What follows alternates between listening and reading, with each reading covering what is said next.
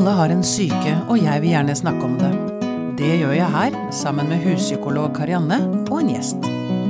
Dette er Pia om syke.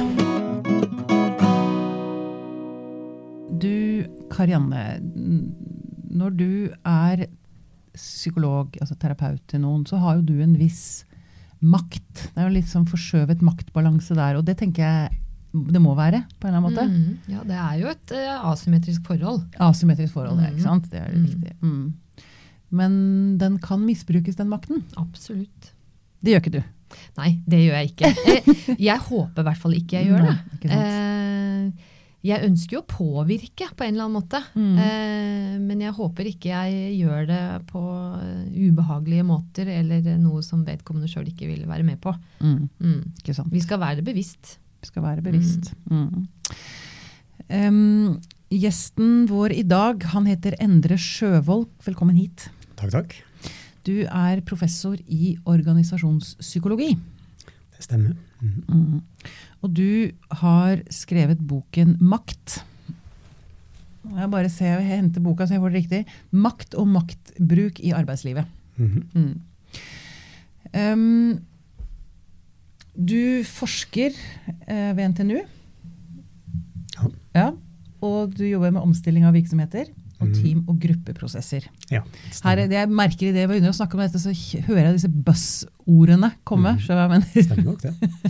Og det ser jeg på nettsiden din. Du også tar tak i det litt. Mm. Altså, det er sånne endringsprosesser og styringsprosesser. Og, ja. Du Mhm. prøver å skjære gjennom det, har jeg skjønt. Det er en bransje med veldig mye buzzwords Mm. og veldig mye enkle løsninger på komplekse Eh, problemer. Mm. Og hvor makt er jo ett av dem. da. Men Ja. omstilling er noe virkelig som har konsekvenser for en hel rekke mennesker. Ja. Mm. Og som ofte kanskje styres etter litt for eh, enkle og normative prosesser. Ja. Og det med gruppeprosesser er interessant. For vi ser at den erfaringen vi har med større omstillingsprosesser, har jo jobba som konsulent i internasjonale omstillingsprosesser i 30, og godt over 30 år. Mm. Og erfaringa er at de eh, prosess- prosjektene hvor vi har fått relasjoner til å fungere, altså fått teamene, enten det er disse som skal ha endringen, eller de som skal styre, eller prosjektet som skal organisere det, da har det vært vellykket. Nesten uansett om det har vært et dårlig produkt som skal inn, f.eks. et ikke ferdigtesta IT-system. Ok, nå var det noe jeg gikk glipp av. Det har vært vellykket når Når relasjonene fungerer. Altså når du det er relasjonene som er ja. Og det går jo på hvordan folk snakker om omstillinga. Ja. Hvordan man er i stand til å formidle hva som skal være verdien med det. Ikke bare for organisasjonen, men for den enkelte også. Mm. Eh, Og de tilfellene hvor ikke lykkes med det, da spiller det ikke noen rolle hvor godt organisert, hvor godt planlagt, eller hvor godt testa et IT-system er, f.eks. Mm. Hvis det er det som skal inn, eh, er, da er det fiasko. Mm. Ja. Og det er, det er veldig bra du sa. Altså, enkle løsninger på komplekse problemstillinger, det er sjelden en god idé. Mm. Ja. Um, ja, unnskyld, jeg avbrøt deg. Eh, Nei, du, du nei, jeg gjorde ikke det. Du var ferdig, vet du. Okay, ja, det er bra. Ehm, denne boka om eh, makt i arbeidslivet, hvorfor skrev du den? Det har egentlig vært en ganske tung bok å skrive. Mm. Det som eh, boka har lagt opp rundt historier, som er reelle historier. Ja. Og bakgrunnen for at det har vært tungt, det er at når jeg begynte å skrive og dra opp disse historiene, så kommer jo disse minnene opp På de, om de disse personene Ja. ja, Mm. som da har eh, opplevd forskjellige ting. Maktmisbruk. Ja. Mm.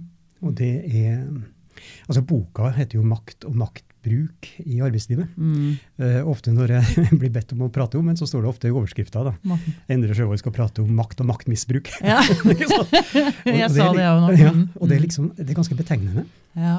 Uh, For uh, man ser det at makt, makt er jo positivt. Altså en ledelse er jo makt. Mm. Og skal du få ting gjort, så må du eh, skal vi si, bruke makt. Mm.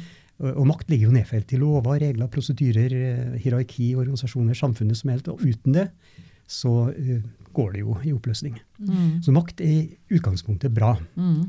Og så er når begynner det å bli maktmisbruk? Mm. Eh, For å bruke en sånn juridisk term, som jeg har brukt litt i boka, det er en utilbørlig maktbruk. Altså når du prøver å bruke makt til egen vinning eller posisjonering eller oppnå noe gjerne på bekostning av andre. Mm. Eh, og mange av disse, eller de fleste av disse historiene, eller alle av disse historiene, Ja. det handler jo akkurat om det. ja, om misbruk. Ja, og poenget med det er jo å beskrive hvordan kunne du ha kommet deg ut av det.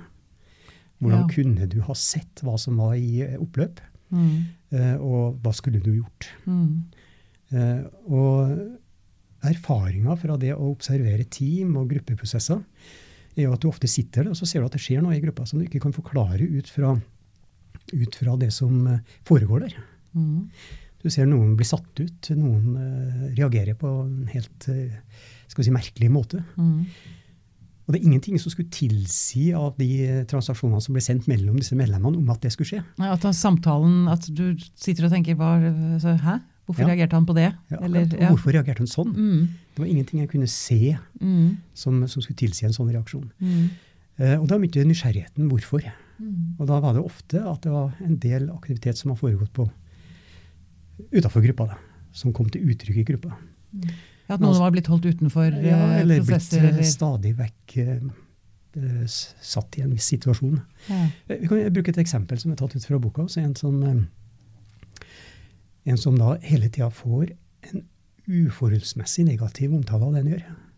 Mm. Hver gang han er hos sjefen, så får han kjeft for det han gjør, og får liksom en sånt idiotforklart sin egen eh, person og det han gjør.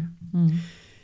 Eh, og føler jo at han begynner å miste selvtillit og miste verdet. Føler seg for nærm og tråkka på. Og bygge opp et slags sånt indre raseri. Da. Samtidig så går jo denne sjefen rundt og snakker med sine og, og sender sånne små frø, sånne små signaler som sånn sitter igjen som om det er litt tvil om denne personens kompetanse. Uten å si noe. Selvfølgelig. Mm. Uten å si noe direkte. Uten å si det direkte. uten å bli, altså man, De lærer seg, de sier jeg nå, maktutøverne, eh, de lærer seg hvordan de skal gjøre det, så ikke de blir tatt på det. At det man ikke viktig- klarer å konfrontere det med det. Og det er et ekstremt viktig poeng. Ja, nettopp. Så går du og sår et frø, og så snakker jeg med deg, og så sier jeg at, eh, ja, og så spør du hvordan går det med Nei, nei, nei, eh, det går bra. Jeg gjør det, jeg gjør det beste jeg kan. for det, det, Han er flink, veldig dyktig, så det går bra. Bare, altså, du vet ikke hva jeg egentlig sa, men du oppfatter det, og, begynner, og din fantasi begynner også å spinne om at dette var jo noe negativt. Ja. Og så snakker dere sammen, og så snakker jeg med deg og legger igjen et sånt frø. Mm. Så begynner flere og flere å snakke. Og når jeg som maktutøver føler at nå har jeg en, fått en kritisk masse, Mm. altså mange nok snakker, Mm. da lar jeg kniven komme. ikke sant? Da sitter jeg i et møte, og jeg har jo, ple, eh, har jo da pleid deg ikke sant? med å virkelig stukke kniven inni der hvor jeg vet det gjør vondt. Ja. Og det gjør jeg også i møte. Ja, da gjør du det offentlig, Alt Da gjør jeg Altså, det. da tar du På, og blir veldig overraska over din reaksjon, da, som da tilsynelatende er helt overdreven. ikke sant? Ja, For de andre så ser den overdreven ut, men de vet ikke hva som har foregått Nei. på kammerset. Og, Og får da bekrefta Mm. hvor ustabil du egentlig er. Åh, jeg kjenner her- hvordan det vrenger seg i meg. Jeg kjenner den, jeg har jo vært utsatt, ikke akkurat for det du beskriver, men den eh, fordekte måten å arbeide på, Mhm. Den kjenner jeg igjen. Ja, og det er et vanlig mønster. Ja, når du sier vanlig, altså, antall prosent arbeidsplasser hvor dette foregår, liksom? Det vet jeg ikke i Norge. Nei. Men eh, at det forekommer, og det forekommer ofte, ja. Mm. Eh, Og oftere enn vi liker å tro. Det viser jo de historiene. Ja. Sånn har det jo mange avart av her. Men Ja, det er jo et sånt generelt mønster. Altså, ja. det er tre ting. Det det er at du må få andre til å tro et eller annet. Du lager en historie. Mm. Og du må sørge for at ikke du blir den som forteller den. Mm. Og du må være så veldig sånn subtil i signalene. Mm. Og du må sørge for å regissere en, en tablå da, hvor det virkelig kan Ja. komme til utspill. Ok. Men du, nå må jeg gå rett i, i eh, jeg holdt på å si, strupen på Ikke deg, men Eller jeg, jeg må ikke sant? Når du snakker om dette, så får jeg sånne assosiasjoner til dette, denne mørke triaden. Mørke triangelet. Mhm. Som består av uh, psykopati, altså en psykopat, eller en narsissist, eller en machiavellist. Det er de tre i dette mm. triangelet. Um, jeg vet at det ikke er noen diagnose, det blir egentlig en helt annen episode, men spørsmålet mitt er mennesker som driver på denne måten. Da er vi inne i psykopati igjen, er vi ikke det? Eller er, er dette noe som jeg håper å si sunne mennesker driver med òg? Ja. Ja. ja. Ja, for at eh, psykopati er jo en som har en ekstrem evne til å innleve seg i andre mennesker. Altså er i stand til å se akkurat hvor vondt du kan få det, Ja. hvis det gjør. Men Ja. mangler den der empatien, altså den der Vi fleste gjør det jo ikke, for vi Mm. vil ikke såre noen. Mm. Men det blir ikke en psykopat om. Nei. Nei. Men husk på at makt er jo å få ting gjort. Mm. Og jeg ser jo ganske rasjonelle, tilsynelatende ordentlige folk som bruker ikke sånne ekstreme teknikker som jeg nevnte i sted, men tilsvarende Mm. for å nøytralisere meningsmotstandere, for å få gjennom ting. For Ja, for da er vi her på hersketeknikker, Ja, blant annet. ikke sant? Også, Mm. men her er eh, min erfaring er at hersketeknikker finnes ikke. ok. Eh, Sånn som Børit Aas sa da hun eh, definerte dem. Ja. Så at det var noe folk brukte, Mm. men det var ikke en teknikk som du kunne lære. Nei. Det finnes ingen enkle teknikker for dette. Du må ha en en genuin forståelse av hva som virker. Du må at du, egentlig kjenne det, eller du, du Ja. ja. og så Mm. må du ha aksept for det i konteksten. Sånn som hun beskriver av disse mannlige kollegene ikke sant, som Mm. brukte disse teknikkene for Mm, å nøytralisere. mm. Og da går det. Men hvis en hadde prøvd en sånn teknikk isolert sett, i en kontekst hvor det ikke er akseptert, det grunnsynet som kommer frem der, da, Mm. da ville den ikke hatt sjanse i havet. Nei. Det blir akkurat samme måte som vi, vi får en del sånne bøker om, om eh, kroppsspråk og sånn. ikke sant? Mm. Du skal lære deg å kjenne kroppsspråk. Hvis du tar uh, hendene bak hodet, f.eks., så betyr det at du er usikker. Mm. Det behøver jo ikke det. Mm. Det kan jo være at du har sittet lenge og trenger å strekke deg litt. Mm. Så du må hele tida se totaliteten i kroppsspråket, hva som formidles og hva som ikke midles, formidles, og knytte det opp til den konteksten, altså den situasjonen vi er i. Da kan jeg ha noe mening og begynne å tolke sånn, men isolert sett, nei. Ja, det, og jeg, det, nå har jeg har veldig mange ting jeg har lyst til, og jeg vet at Kran også sitter og hopper. Jeg, jeg må bare ta, ta det mens jeg husker det. Fordi det du egentlig sier her, er at den personen som utøver makt, klarer ikke å gjøre det uten en medsammensvoren. Nei. Så den som er med på det, er egentlig like skyldig. Det kan du si. Eller, sånn som vi snakka om i sted, Mm. at du greier å få noen til å tro. Ja, Så man blir lurt egentlig selv Ja. til å være med på et Ja. spill som man kanskje i ettertid ser at shit, der ble jeg brukt. Han Harari, vet du, han er israelitten som har skrevet disse homo Mm. Ja. sapiens. Mm. Ja, ja, ja. ja. Han skriver at eh, grunnen til at mennesket er blitt så kraftfullt på jorda, og eh, Mm. faktisk kommet dit at vi kan utrydde hele kloden, er nettopp at vi er i stand til å danne allianser. ja. Og det er akkurat det som er mekanismen bak maktbruk også, det å danne allianse med noen mot ja. et eller annet. Mm. Ikke sant. Mm. Ja, ok. Um, jeg har lyst til å få inn Karianne her. Du har Mm. sikkert gjort deg en del tanker Ja, underveis jeg Ja, har, har det, vet du. Ja, Mange. Det, ja. det, det ene jeg tenker, er det her som du spør om, da, Pia, om men, men snakker vi ikke da om psykopater, eller Og så kunne vi jo, vi kunne jo, vi kunne jo brukt hvilken som helst sånn demoniserende merkelapp på de som utøver eh, Mm. uh, maktmisbruk. Det som er utfordringen ved å demonisere det sånn, er jo nettopp det at vi da kanskje strever mer med å få øye på det. Fordi jo, Ja. mer, jo mer vi på en måte eh, skaper det som noe veldig annerledes enn oss selv, eller skaper det som en sånn Ja, noe utenfor oss. Noe utenfor Mm, oss selv, mm. så, så, så er det som om ikke vi er en del av det, og det blir litt vanskeligere å kjenne det igjen. Da. Ja. Så jeg tror det er sikkert veldig fornuftig å gjøre det til noe menneskelig per se. I Ja, seg og, selv og så er dette Og ikke egentlig bare slutte å si det mørke triangelet eller Ja. psykopater. Det er ikke det, er Ja. ikke det vi er ute etter, egentlig. Nei, for de fins jo de også, men jeg tror, eh, jeg tror vi, vi, vi snakker om mennesket som sådan. Eh, Gjør vi ikke det da? Er du ikke, vil du ikke være enig i det? Hvis du dro opp Machiavelli, du, han Ja. var jo veldig opptatt av det at Ja. hvis fyrsten skulle holde makten, Ja. så var ikke det rå kraft og makt og tvangs... eh, Nei. Da var det å bygge relasjoner, sørge for å belønne, sørge Mm. for å få frem de som ville ha støtte, og altså vise hva som lønte seg, ja. og få en kritisk masse der også. Ikke sant? Du greier ikke å holde eh, Hele den tesen er jo at du ikke greier å holde en by med ren makt. Du er Mm. nødt til å få lojale støttespillere. Mm. Ja, nettopp. For det er jo- ja, lojalitet er også en litt sånn rar ting, fordi hvis man blir beskyldt for å være illojal, hvis man varsler f.eks., Ja. da kan man jo være illojal ikke sant? og få det stempelet på seg. Mm. Men så er det jo, det hadde jo Hitler hadde jo hatt godt av litt illojalitet. Altså, det er noe med, ja, Lojaliteten kan også misbrukes. Mm. Ja. Ja. Det var jo Hanna Arendts sin bok, ikke sant? om Eichmann. Ja. Mm. ja. Han var jo bare en lydig byråkrat. ja. Mm. Banality og evil. Mm. Ikke sant? Og Mhm. der, og der har du jo igjen eh, det her, tror jeg også jeg har nevnt det før, det her berømte Stanley Milgram-eksperimentet som nettopp prøvde å undersøke eh, hvordan noen kunne være i stand til å gjøre sånne forferdelige ugjerninger. Disse støtene. Ja, og Ja. han, han satte jo opp en setting ikke sant? hvor Mm. han inviterer noen inn som ikke visste at de var med på akkurat det de var med på. De trodde de skulle være med på et læringseksperiment, og så blir de bedt om å gi støt til en annen person som sitter i et annet rom når de sier noe feil. Og så fant han jo at hele 60% var villig til å gå så langt som til et dødelig støt. Det som er litt av, som jeg, det er mange ting å ta med seg hjem fra det, men noe av det jeg har tenkt på, er at de, de blir jo bedt om å gi ti støt av gangen. Sånn at det er, sånn, det er, det er, det er snakk om det litt subtile, da. Ti støt er ikke så Nei, ikke ti støt, men ti, Nei, ti volt, volt. eller Ti watt. volt. Ja, ti volt. Bitte lite. Det er liksom Bitte sånn lite. ja, ikke sant? Og så gir du ti volt, og så, så blir du bedt om å gi ti Så hører du et sånt au fra Ja. andre siden, ikke sant? Ja. Du hører lyden av den som får støtet. Ja. Mm. Men, men, du, men du har da plutselig så sitter du der og har gitt kanskje 50 volt, men, men det har gått så sakte. Ja. Det har gått så subtilt for seg.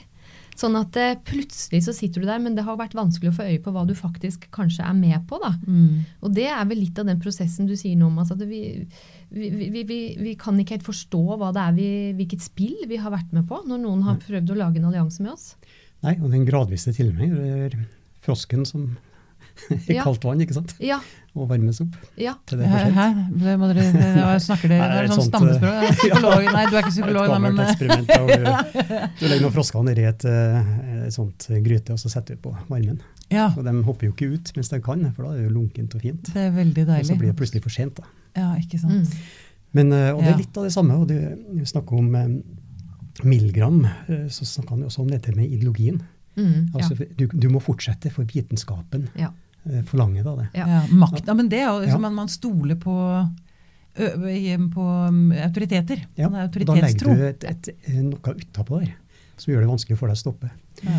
Og vi ser I de tilfellene har vært inne i sånne korrupsjonsbedrifter. Mm. Korrupsjonsbedrifter. hva, hva driver du med? Nei, jeg jobber i korrupsjonsbedrifter. korrupsjonsbedrift. bedrifter hvor det har vært korrupsjon, da, Ja, har det avslørt, og du går inn og intervjuer folk. Da. Mm. Så ser du at det er akkurat det samme Mm. som skjer. At de har ikke skjønt. man Nei, Du kommer inn, ikke sant, og så nyansatt og åpen for det meste, Mm. og så får du en eller annen gave eller en, et eller annet som du syns er litt i overkant. Mm. Og så går du og spør om kan dette være riktig, kan jeg ta imot det? Ja, ja, selvfølgelig. Det gjør alle her, det. Du fikk Ja. jo i fjor, i år, og så var det jo han. Mm. Og så får du en til som er litt større, og det samme gjentar seg. Til slutt så begynner du å få litt, og så kommer den store tingen. Nå må du faktisk være med og hjelpe oss med dette her. Fordi Og det går langt utafor hva du er villig til, moralsk og alt mulig rart. Mm. Og da får du Ja, men du tok den, du tok den, du tok den. Dessverre, nå er det for sent. Mm. Og så begynner du å etterrasjonalisere. Mm. Det er jo sånn her, altså alle gjør det, og dette må jo være helt greit. ja. Og da har du jo eh, Da er du Mm. captured. Mm. Ja. Em, jeg, vil komme tilbake til hvordan man um, skal begynne å Eller hva man skal være oppmerksom på. Du, altså, hvordan kommer man seg ut av det? Hvordan stopp, stopper man i tide? Liksom. Men jeg har lyst til å snakke litt om forskjellig type makt. Du snakker om belønningsmakt, strukturmakt, legitim makt, relasjonsmakt, konspirasjonsmakt, tvangsmakt. Kan vi snakke litt om de forskjellige maktene der? Ja, Jeg vil jeg, veldig gjerne få litt sånn kategorisert dette. Mm. Mm. Jeg er jo litt sånn samme. Jeg egentlig også har en eh. Så jeg er litt sånn firkanta i huet noen gang. Jeg liker sånne modeller og logikk. Eh, Men det som, eh, så når vi observerte disse gruppene, systemer, da, mm. så så du at det var en viss sammenheng, at det var et mønster. Jeg holdt på med det i 40 år. Mm. Eh, og da tok jeg tak i det eh, modellen om maktbaser og modifiserte den for å si at det, dette kommer fram også der. Eh, og det som vi ser da, er at Hvis noen mener at de har en maktbase, f.eks. at du har noen som jeg vet at du er interessert i å komme i kontakt med, da har jeg en maktbase. Da har altså, en, jeg jeg forklarer det litt. Altså, en maktbase. ja, for eksempel, da har jeg noen relasjoner som du kan være interessert i. Ja, og ja sånn, Og du, har- du Ja. har noen venner eller bekjente eller kollegaer eller som, Mm. som Karianne har lyst til å komme i kontakt med. Mm. Mm. Sånn, og da kan jeg bruke det som et middel til å få deg til å gjøre noe. Ja, hvis det kalles du relasjonsmakt. ikke sant? ja. Og så har det samme hvis jeg sitter høyt i et, i et hierarki i en organisasjon og har alle muligheter til å gi deg forfremmelse, sparken eller whatever. Da har jeg en tvangs... Eller en eh, base som jeg kan Mm. bruke tvang. ikke sant? Mm. Tvangsmakt. Mm. har en ekspertise som eh, bedriften trenger, som du trenger. Altså Du er helt avhengig av min informasjon eller, eller eh, ekspertisen min. Ok, så har jeg en ekspertmakt. Mm. Og så er det sånn at disse ulike basene, når du anvender dem, så vil, du faktisk, eh, vil det reflekteres i måten du oppfører deg på. Mm. Hvis du skal gå løs her, eh, det, det var ganske interessant når jeg oppdaget det, så falt en masse ting på plass. Jaha. For eksempel, hvis, du ser, hvis jeg skal bruke relasjonsmakt, så vil jeg automatisk være mer ivaretagende, omsorgsfull, vennlig i min væremåte. Okay. Bruker jeg belønningsmakt, f.eks., dvs. Si at jeg har noe som du vil ha, enten det er frynsegoder eller eh, lønn eller whatever, Mm. da tar jeg på meg den mer autoritære masken. ikke sant? Ah, ja. Og det her er så, Når du først så det, så var det Mm. ganske fremtredende. Og der ligger jo også nøkkelen til forsvar. ja. For du kan, Hvis du skal forsvare deg mot uh, makt, så går det ikke an å forsvare seg mot makt hvis du ikke har innsikt i hvor en prøver å treffe en. ja hvilke, du må se ansiktet. Altså, Ja, eller du må se altså hvilket område, hva er det en har, hva han tror at den har Mm, ja. som maktbase. Og så må du lete etter, eh, etter eh, hvordan du kan møte det. da. Mm. Det- Ta et eksempel. da. Eh, For eksempel, et av de eksemplene står det, det var en ung konsulent som eh, satt på beachen. altså Dvs. Si at du ikke har oppdrag. Og du sitter ikke der lenge i et større konsulentselskap før du begynner å eh, Sitte på stikke- beachen, altså. Her Ja. lærer jeg artige, artige små begreper. jeg har lyst til å sitte på beachen, jeg. ja, det høres eh, mer besnærende ut enn jeg. Ja. For det tar ikke lang tid før du begynner å få et stigma. ikke sant? Og ingen, ja, ja. ingen vil ha deg inn, så du får en sånn ond sirkel. da. Mm. Uh, og denne Per, da, så er det bare et navn som er brukt, da, eh, får besøk da, av eh, en av sine overordnede. Det var ikke nærmeste overordnede, men overordnede der. Og spør om ikke du kan eh, Jeg vet at du holdt på med et prosjekt som er ganske interessant, og det hadde vært fint om sånn og sånn. Mm. Vi har en eh, viktig kunde som har et problem, og du er jo psykolog, da. Han har psykologutdanning. Eh, og vi, jeg tror at du virkelig er i stand til å løse det her. Og Per, da, ung, nyansatt, sittet der og venta på oppdrag, ikke fått. Føler seg jo veldig smigra, for det første. Mm. Men i tillegg så sitter jo denne personen og snakker om disse, hvordan det er å være manager, og hvordan det er å komme opp, og hvem de snakker med, og navn som en kjenner, som en gjerne skal ha vært i kontakt med. Og i huet på Per så begynner det å bli en sånn eh, forståelse av at hvis jeg går med på dette her og lykkes, da vil jeg kanskje komme inn i innere sirkler. Mm. Men det er ikke sagt. Ikke uttalt. Det er Nei. noe som foregår i huet på Det er ikke, noen, det er ikke gitt noen løfter her. Liksom, Og det er kan- viktig, da. Det, man, man må ikke gi noe som man ikke kan levere, liksom. Mm. Mm. Og så drar nå, denne Per da drar jo ut til oppdrag og finner ut at det var noe helt annet enn han trodde. Det var ikke noe konfliktløsning. Mm. Det var rett og slett å skaffe nok informasjon om en person så de kunne si noe opp. Og han eh, var jo psykolog, hadde alle de etiske tingene i huet og tenkte nei, det kan vel ikke stemme, jeg har jo hele selskapet bak meg og toppsjefen og sånne Mm. ting. Så han gikk i gang, og det mislyktes, og det ble en arbeidsrettssak og stor fadese. ikke sant? Som han måtte bære. Som han måtte bære. Mm. Mm. Og så kan man lure på hva er, det, hva er rasjonalet for noen å utnytte noen på den måten der? Og rasjonalet var helt klart, det var en key account, altså en stor kunde. Mm. Så han kunne da vise at han strakk seg veldig godt for å hjelpe. Mm. Og når det mislykkes, så kunne han ta en telefon og så si at jeg overvurderte nok denne nyansatte psykologen. Den beklager det veldig. Uh, Men Per ja, akkurat så, men Per mista jobben, da? Ja, eller han- selvfølgelig gjorde han det. Ja. Det jeg sitter og tenker, er sånn ut ifra Fordi de eksemplene du forteller nå, og, og, og noe av det som også da opplagt står i boka di, ikke sant, så, så kan man jo faktisk Så tenker jeg, hvordan skal, hvordan skal jeg vegre meg mot dette? Mm. Eh, og eh, jeg står i fare for å kanskje bli litt paranoid. Fordi du forteller om ganske eh, voldsomme erfaringer, ikke sant? Eh, og, så, og jeg tror kanskje jeg sikkert spør fordi at en veldig mange kan til og med kanskje tenke at jeg er på grensen til naiv, egentlig da, at jeg har en sånn grunnleggende tro på at mennesker vil meg godt. eh, så hvordan skal man vegre seg, samtidig som man kan få lov til å bevare en grunnleggende tro på at mennesker vil en godt? Ja, og det, det skal vi si, den modellen etter hvert utvikla seg, så, så så vi mønsteret på det. Mm. For det er jo helt klart, vi er avhengig av at vi tror godt om hverandre. Ja, vi er jo Mm, det. ja. Mm. Det er jo det som er det psykiske Og vi vil jo helst ha det sånn. Jeg vil også ha den troen. Og så er det sånn at eh, noen gang når vi har møtt noen, noen gang når vi har vært i møter, Mm. noen ganger når vi har hørt noe, en slengbemerkning i kantina eller noen sånne ting, Mm. overhørt en samtale, Mm. Som ikke forstår hva jeg er for noe, så Mm. føler jeg en uro. Mm. Ja. Ubehag. Mm. Ja. Og vi er flokkdyr.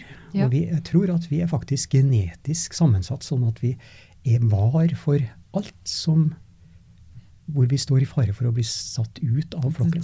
Ja. Og den uroen den har vi en tendens til å overse. Vi har en tendens til å overse den. Ja, sånn at vi tenker at eh, Nei, det var nok noe annet. Det her er jo helt rart. Ja, nå overreagerer jeg, eller nå Ja, ikke sant? Så jeg ligger mm. våken om natta og tenker det var jo ingenting. Mm. Det har jo ingenting. Mm. Så vi fortsetter å la dette mønsteret som vi da ubevisst har oppdaga, Mm.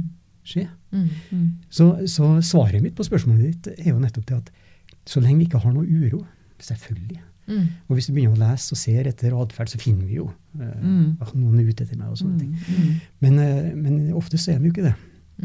Mm. Men hvis vi ser på han der eh, Per, da, hva kunne han ha gjort i den situasjonen? Mm. Eh, For det var jo relasjonsmakt han ble utsatt for. Mm. Sjefen inviterte inn i det indre siklet uten å gjøre det, Mm. men han oppfatta det sånn. Mm. Mm. Mm. Og når du får et offer, eller en, eh, noe som er overraskende bra for deg, Mm. Mm. da skal du jo i utgangspunktet være mistenksom. Mm. Og da, da er det også sånn vi ser i disse maktrelasjonene, når det har utvikla seg, når vi har fått systematikken på det, så ser du at hvis du nå venter litt Du kjenner uroen etterpå. Vinn alltid tid.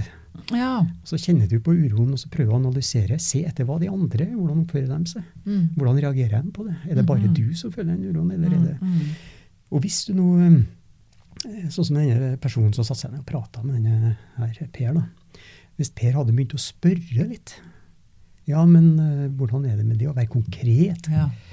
Hva kommer ut av det for min del? Eh, Hva er oppdraget? Mm. Og hvis da vedkommende hadde switcha til en annen atferd, Da er det fare på ferde. da vet du at det er en fare på ferde. Akkurat. Og, og da ser ser vi at det er en veldig tendens til at noen type atferd som støtter opp på ren maktbase, eh, og så er det noen typer atferd som er direkte mot denne. Og i en sånn konstellasjon hvor det her skjer, hvor en prøver å vinne noe som ikke er helt sånn sylproff, Mm. så vil han når han møter motstand, skifte over. Mm. Og på andre sida av, eh, av eh, relasjonsmakt, så er det belønningsmakt. Mm. Så det kan være at tenk deg at Per snakker og begynner å grille og tar tid. Jeg vil eh, tenke på det til i morgen. Ja, hva mener du egentlig Ja. med når du sier at tenker du, Er det en middag vi skal spise sammen med denne sjefen du snakker om? Altså, mm. Mm. Et eller annet. Og da vil han hoppe over og bli mer autoritær i sin måte å si. Du må jo forstå hvilke muligheter som ligger foran deg. Du har sittet på beachen nå i, i 14 dager. ikke sant? Ja. Fortsetter du her, så, så har vi ikke noe fremtid for deg. Mm. Nå har du en mulighet. Altså, skjønner du ikke hvor jeg vil? Ja, Mm. ja. Ja, ja. For at hvis han var virkelig opptatt av Pers fremtid, så ville hun ha akseptert ja, selvfølgelig skal du tenke deg på det i morgen. Mm. Og du kan også kontakte den og den som har vært Så, i- ikke sant? Ja. Men så tenker jeg, det som slår inn her hos meg, da, det er at jeg vet jeg har hørt og lest at hvis man først er blitt utsatt for si, krenkende atferd eh, i sin oppvekst eller i sitt liv, sant, så er man mye mer utsatt. Mm. For det. Jeg har jo også lest nå Beklager jeg, nå går jeg over demoniseringen igjen, men altså, sånne narsissist, psykopat, folk, blodigler eh, har jeg lest at de Det er akkurat som de lukter blod. ikke sant? Hvis du har fått et sår før, tidligere, av en, en av samme type, så lukter de det altså De ser akkurat hvor sårbar du er. Det er som voldtektsforbrytere som ser altså kvinner som har blitt voldtatt. Det er akkurat som det, det, De ser svakheten deres. ikke sant? De går på ikke sant? Det er ikke uvanlig. Men kanskje, Nå drar jeg kanskje inn noe som, helt, som blir litt for stort å svare på her. Men jeg bare, jeg bare tenker at dette med å være obs på, som du sier, denne uroen Mm. Det er ikke så lett hvis man selv liksom, hvis man har levd med den uroen alltid. da. Nei. Man, altså, er det ikke sånn at noen er mer utsatt for dette enn andre? Helt hvis sikkert. man har en, Mm. en altså ikke integritet, er ikke det ute etter, men hvis man, har en, hvis man har klare grenser selv, som er vant til å ha det, så er det mye lettere å stå imot når du sier at ung Mm. nyansatte Per kommer inn. ikke sant? Hvis han da sliter med sår ikke sant, fra tidligere, så er det ikke så lett for han å hevde, altså drive med selvhevdelse og si, og kreve noe. Nei, helt klart. Mm. Nå er ikke jeg psykolog, så jeg kjenner ikke Nei, men Den hun er det. der, er ja. derfor det er veldig Ja. gøy å diskutere Ja, ja. dette med dere to. Mm. Men det som er sikkert, er at det skal litt til å si fra. Ja, ikke sant? Det skal litt til å spørre. Mm. Og det skal også være sånn at eh, du må spørre på en veldig sånn rolig, forsiktig måte. Du kan ikke bli tatt på en overreaksjon. ikke sant? Nei. Du må være, Så du må være veldig sånn saklig når, ja, når du spør. ja. Mm. Og være veldig konkret. Mm. Du skal jo undersøke det. du skal. Mm. Du skal se, hva, hva er det ligger bak dette tilbudet, noe som høres for godt ut til å være sant? Mm. Mm. Mm. Og da er det klart at hvis du er sårbar, som du beskriver, så har du kanskje mindre Det er vanskeligere. Ja. Mm. Veldig vanskeligere. Mm. Og det er, hvis du blir utsatt for utilbørlig maktbruk, da, for å bruke en juridisk term på det, Mm. så er det jo klart at jo tidligere du greier å stoppe det, jo større sjanse har du for å komme ut av det. Mm. Ja. Mm. Og da kreves det at du er Ja. veldig observant på dine egne reaksjoner og lytter til deg selv, egentlig. Og det er klart, hvis du bærer med deg eh, mange sår, eller har eh, opplevd en del krenkende opplevelser, så er det nok eh, lettere å komme til den slutningen at dette har noe med meg å gjøre. Det min, uh... At det er min feil, eller det er Mm. noe jeg gjør feil. At, at man kanskje kjappere hopper til den mer sånn selvhenførende slutningen enn hvis man ikke har det. Men det er ikke Mm. dermed sagt at altså, man kan jo ha sittet så Når vi sitter og snakker nå, så kan det liksom poppe opp i meg noen sånne møter jeg kan ha sittet på hvor, hvor det har blitt underlig, men hvor ingen egentlig har sagt noe eller gjort noe, selv om noen har kanskje oppført seg merkelig eller sagt noe rart. Og der tror jeg kommer det igjen det nettopp det at vi er, vi, vi er villige, tror jeg, i det sosiale spillet, hvis vi skal kalle det for det, til å strekke oss veldig langt for å bevare en form for ekvilibrium eller en Ja. harmoni. da, Mm. fordi, Nettopp fordi vi er flokkdyr. Og det er ikke noe patologisk i det. Det er, det er menneskelig. Mm. Eh, men det er ikke dermed sagt at vi som sitter i det møtet allikevel kan oppleve det veldig forskjellig, og kanskje i, i ulik grad henføre årsaken til oss selv. da. Mm. Mens andre ikke gjør det, og bare tenker at dette ble veldig rart. Hvorfor ble det det? Mm. Men, men jeg tror vi alle kan ha, ha, sitte der og kjenne at dette ble veldig merkelig. Mm. Ja. Ja. Og jeg har opplevd eh, sterke mennesker, Mm, solid forankra i seg sjøl, mm, som har blitt knekt i sånne prosesser. Ja, Ja. akkurat. ja, Mm. særlig under store omstillingsprosesser hvor virkelig ting betyr noe. ja. Mm. Så eh, hvis du er sårbar i utgangspunktet, ja, selvfølgelig. Mm, Men eh, uansett hvor sterk du er, så kan du bukke under i en sånn Ja. prosess. Altså. Ja. Du, jeg, jeg må bare spørre, er det noen bransjer som er mer utsatt for dette enn andre? Eh, det vet jeg ikke. Jeg har jobba mest med store internasjonale selskaper. Mm. Men jeg jobba også med norske selskaper, og har jo vært i akademia nå i 20 år. Mm. Mm, og selv om jeg ikke har noen statistikk og noen undersøkelser på det du spør om, Mm. så er vel mitt inntrykk av at det er likt fordelt. Ja, akkurat uansett Ja. om du er eh, sykepleier eller direktør vel en- eller eh, Ja, jeg hadde vel en sånn naiv forståelse om at i akademia så, så skulle vi liksom eh, diskutere over instituttgrensa. Og Ja, der var folk kloke og velutdannede. Ja, gode praten i, i korridorene og ikke sant? Det ligger et menn der. Ja, det gjør det. Absolutt. Eh, Ante et lite menn der langt inne.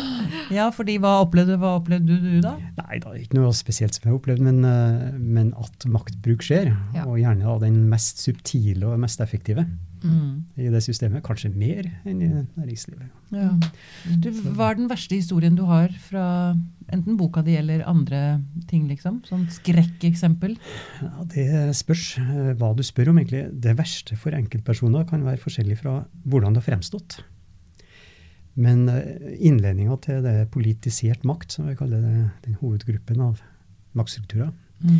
eh, der har jeg tatt frem et eksempel fra en stor organisasjon, hvor jeg som relativt ung konsulent da kom inn som en eh, for å skulle løse opp i noen konflikter. da.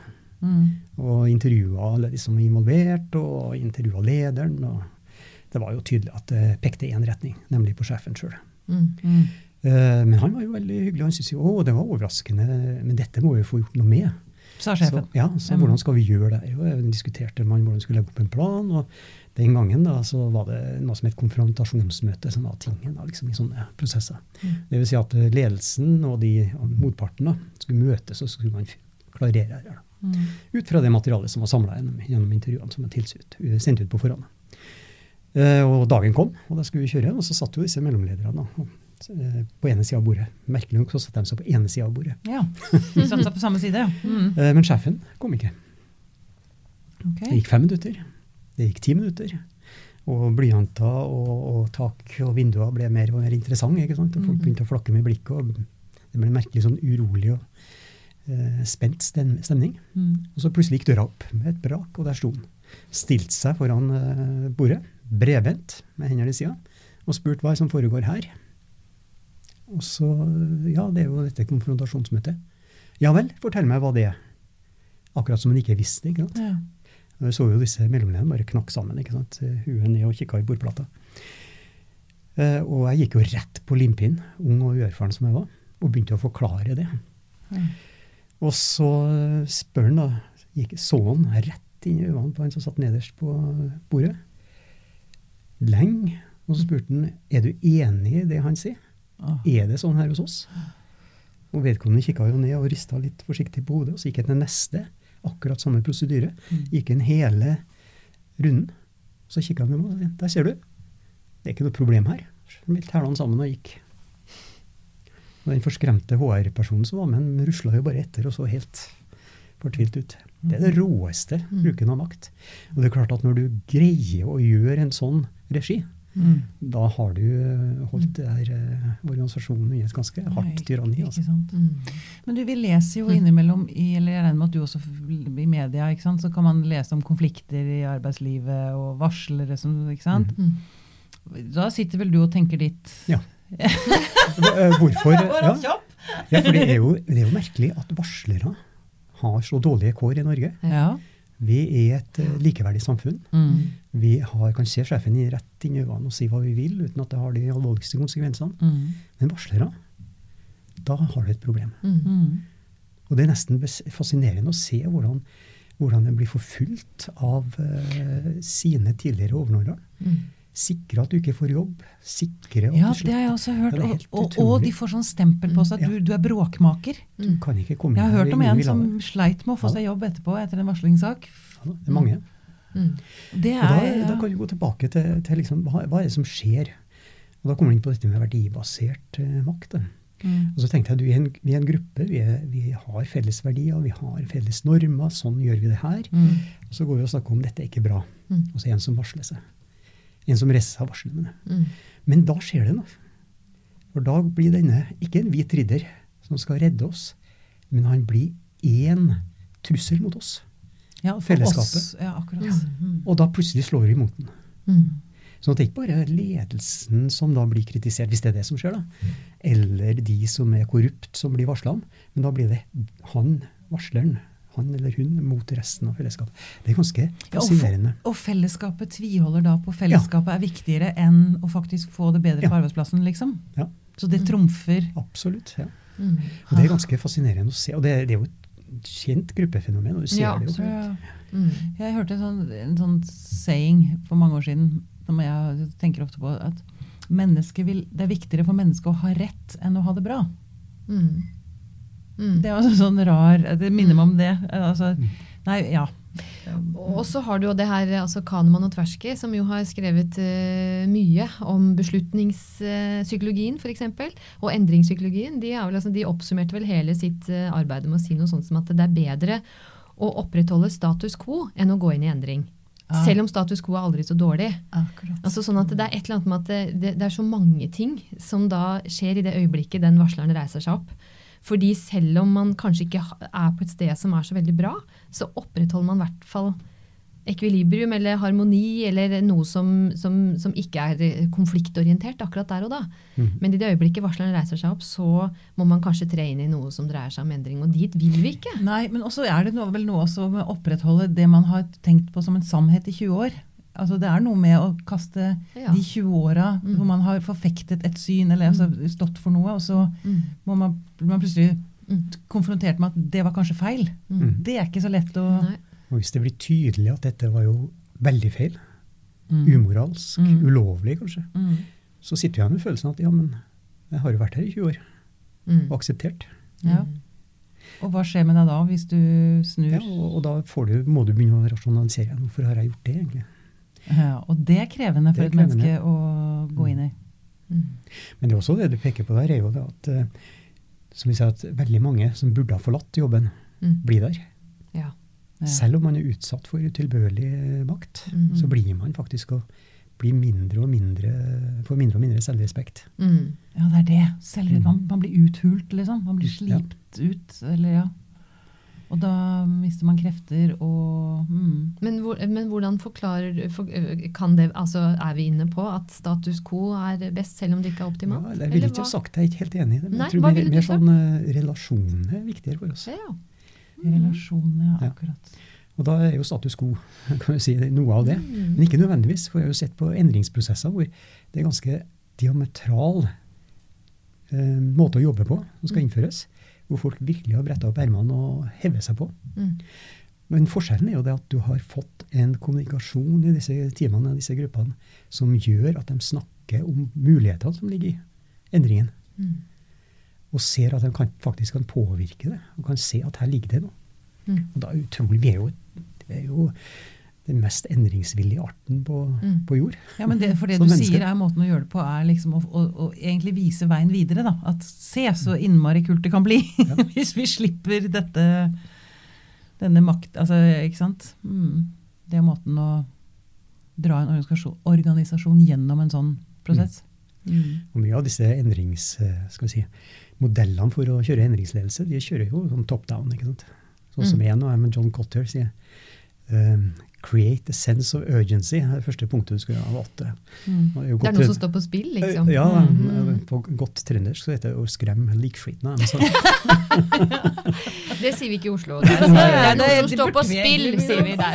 Ikke på Frogner, i hvert fall. Nei, ikke på Men det er ingen god idé hvis du skal få til en vellykket endring. Nei. Hvis du skal Nei. få den raskt gjennom, Nei. ok.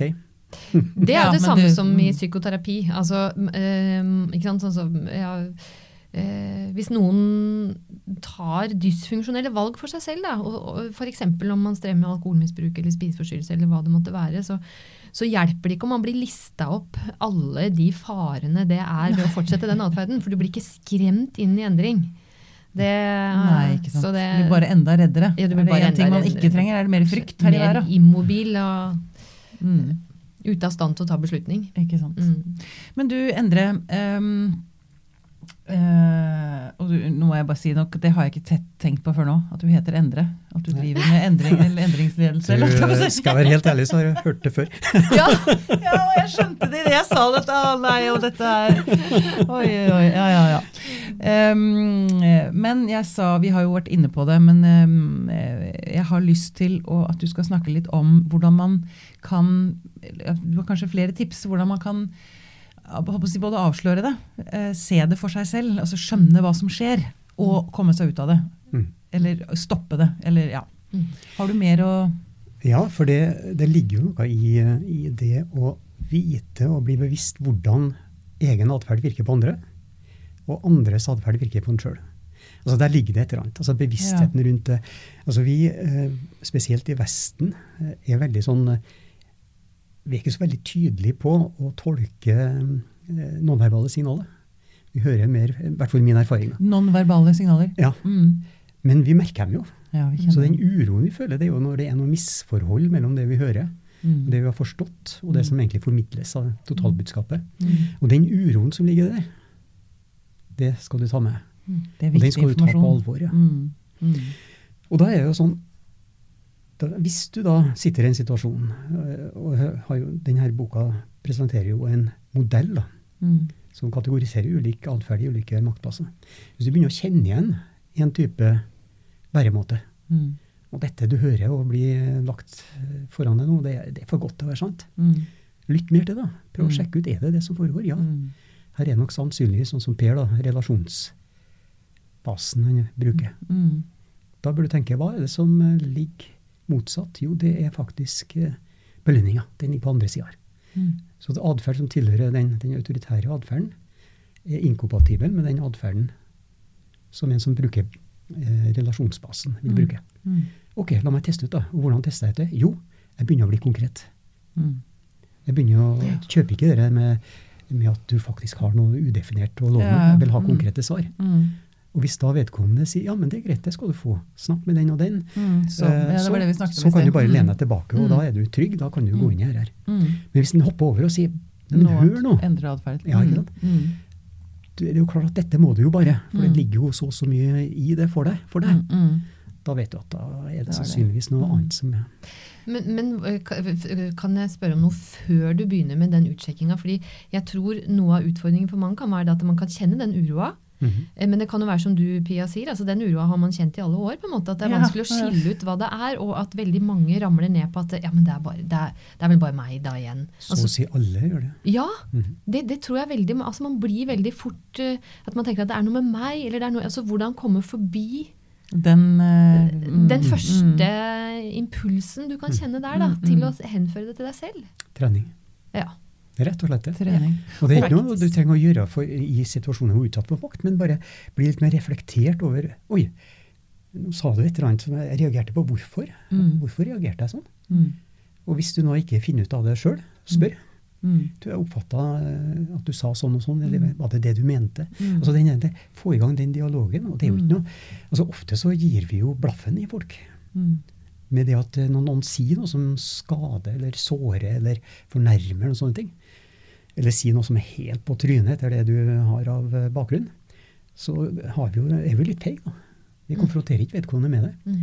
Vi bare tenker at den må jo være idiot. eller... Mm, mm. Mm. Og så går vi og snakker med noen andre på gangen for eksempel, hvor idiot han var. Mm. Istedenfor da å spørre. Og Det er liksom når jeg kom inn i den der eh, vanen om å, Mm. om å sjekke ut din forståelse, om den var Mm. riktig eller ikke, når det er Mm. noe som er, virker rart. Men det tenker jeg kan være veldig skummelt, da, og nettopp det der å spørre. For da er du inn, trenger jo ikke gjøre det konfronterende, men allikevel så er det en sånn selvhevdelse i det, Mm. som jeg Ja. vet jeg har slitt mye med. Så det å vinne litt tid. Mm. Men eh, man trenger ikke å ha sånne konfronter, voldsomt konfronterende spørsmål. Det er bare liksom undrende. Kan du fortelle Ja, meg litt mer om hva det dreier seg om? Mm, mm. Hva er dette prosjektet? Er det Mm. hvem Og- klienten? Ikke sant? Og tenke at man spiller et altså man, man aksepterer at det, nå er vi inne og spiller et spill. Mm. Nå er jeg overfor et menneske som spiller spill. Ja. Altså Det er ikke en åpen, ærlig, direkte dialog, men at man også blir en sjakkspiller selv. Du skjønner hva jeg mener? At man, ja, du må finne ut av det. fin- ja, ikke sant? mm. At man, men at man kan tørre det, da, og spille litt sånn ja, Jeg kan jo være liten og søt jente, så, hva er det vel, ikke sant? så kan jeg spille mitt spill opp, ja, Mm. Mm. opp mot det. Mm. Ja, ok, nå surra jeg meg kanskje helt bort her, men eh, ja. Mm, Men jeg har et spørsmål til, ja, og det er øh, for- du har kalt boka di 'Makt'. Hva er det som gjør at du ikke kaller det for ledelse, f.eks.? Altså, hva, hva, hva, hvordan vil du skille makt, ledelse, påvirkning? Altså, for det er jo i samme badevannet vi dypper her. Mm. Ledelse er mere. Mm. Det er et tema som eh, er en del av det å være ledelse. Mm. Ja. Nå har du møtt ledere på relativt høyt nivå som sier at jeg bedriver ikke sånn maktspill. Mm. Og da får jeg litt sånn gåsehud.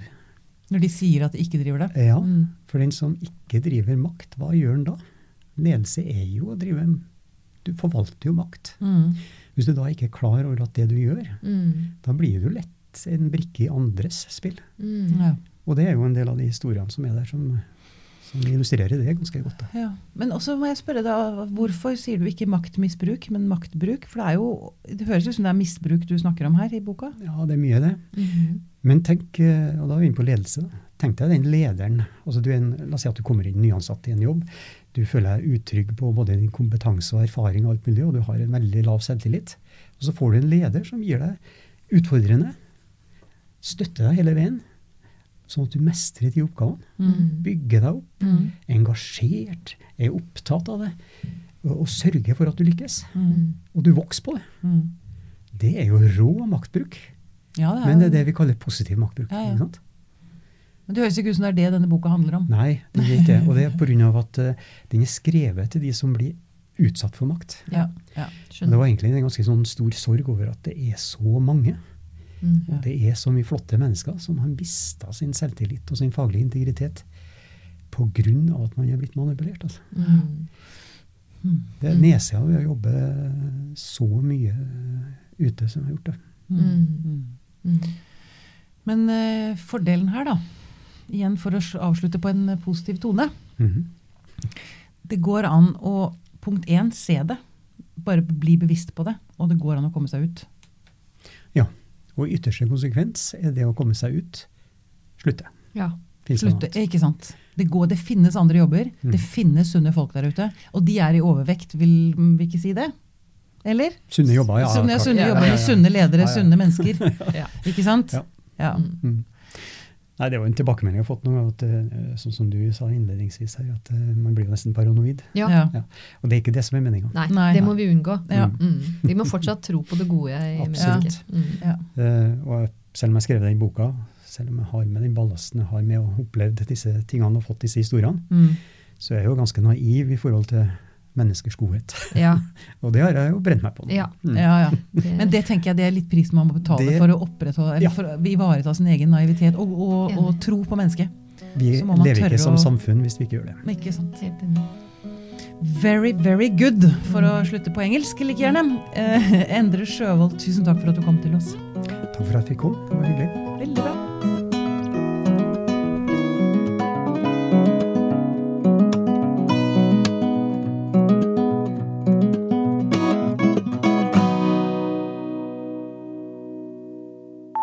Podkasten er produsert av Tid og Lyst. Med støtte fra Ekkos legat.